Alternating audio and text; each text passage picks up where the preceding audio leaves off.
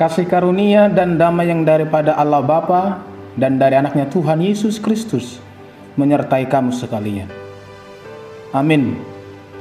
Horas Salimanta, sangat lima menit manangihot Tuhani, yang terambil dari Yesaya 62 ayat 10. Berjalanlah, berjalanlah melalui pintu-pintu gerbang, persiapkanlah jalan bagi umat, bukalah, bukalah jalan raya, singkirkanlah batu-batu, tegakkanlah panji-panji untuk bangsa-bangsa. Dahulu di Israel, untuk masuk ke bait suci, umat harus melewati pintu-pintu gerbang yang ada. Jumlah keseluruhannya ada 12 pintu gerbang. Walau pintunya banyak dan dari arah yang berbeda-beda, namun semua pintu tujuannya menuju bait suci. Maksudnya adalah bahwa hidup ini juga harus tertuju pada bait suci, tempat di mana Tuhan berada dan menjadikan Tuhan sebagai fokus dalam hidup kita. Namun oleh karena dosa dan kejahatan, jalan dan pintu menuju bait suci telah hancur dan runtuh. Kondisi pintu dan jalan yang sebelumnya telah hancur, runtuh dan telah lama ditinggalkan.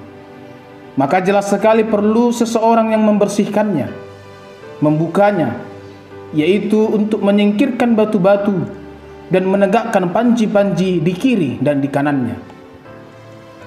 Meskipun dosa pernah menutup pintu dan jalan sehingga menyebabkan kita terpisah dari Tuhan, namun oleh pengorbanan Yesus Kristus telah membukakan pintu dan jalan bagi kita untuk kembali kepadanya.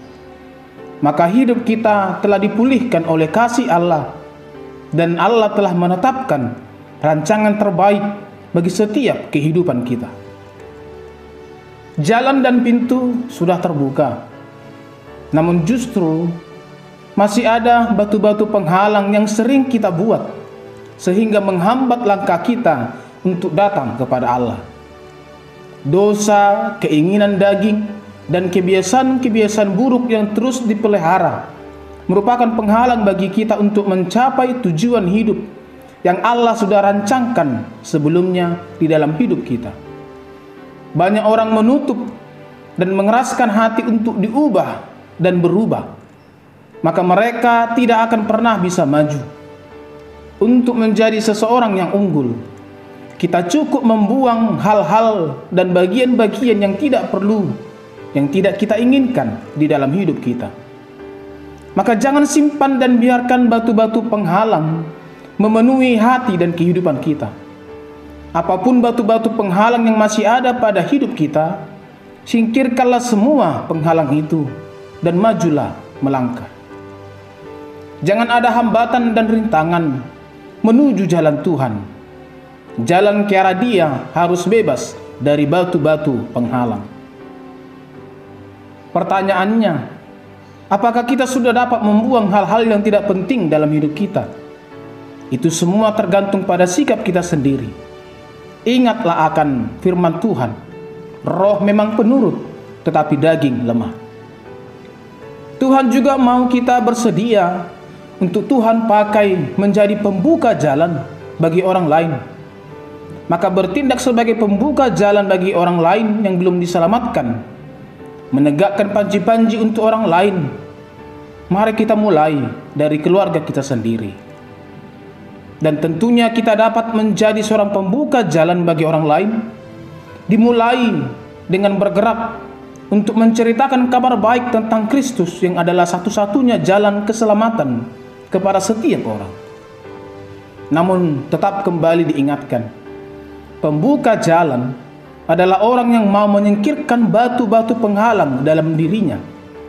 Apa pun batu-batu penghalang yang masih ada pada kita, singkirkanlah semua itu, maka kita akan menjadi seorang pembuka jalan yang efektif bagi orang lain. Selamat berjalan di jalan Tuhan dengan menyingkirkan batu-batu penghalang dalam hidup kita. Amin. Kita berdoa. Sungguh kami bersyukur ya Tuhan. Jalan dan pintu yang dahulu telah hancur. Namun telah engkau perbaiki dan engkau pulihkan. melalui pengorbanan anakmu Yesus Kristus yang telah memulihkan jalan dan pintu kami kepada Engkau.